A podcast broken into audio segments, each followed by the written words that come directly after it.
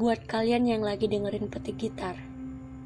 50 dari 100% orang sering banget gak percaya diri. Apa sih sebenarnya definisi percaya diri? Percaya diri itu optimis, yakin dengan dirimu.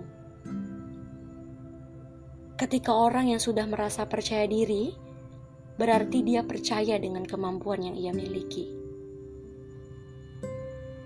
Tetapi ketika seseorang itu tidak merasa percaya diri, berarti ia belum sepenuhnya mengenal dirinya sendiri. Entah itu percaya diri dalam segi apa pun.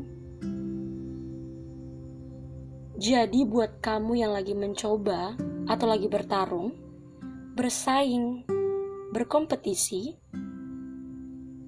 kalian harus percaya dengan diri kalian sendiri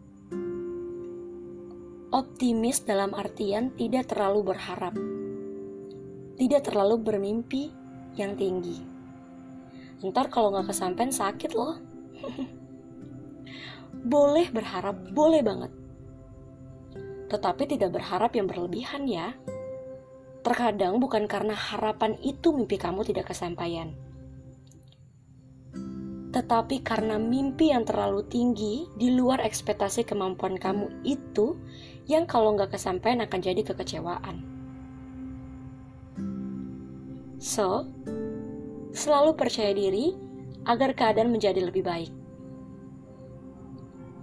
Dan jangan terlalu berharap lebih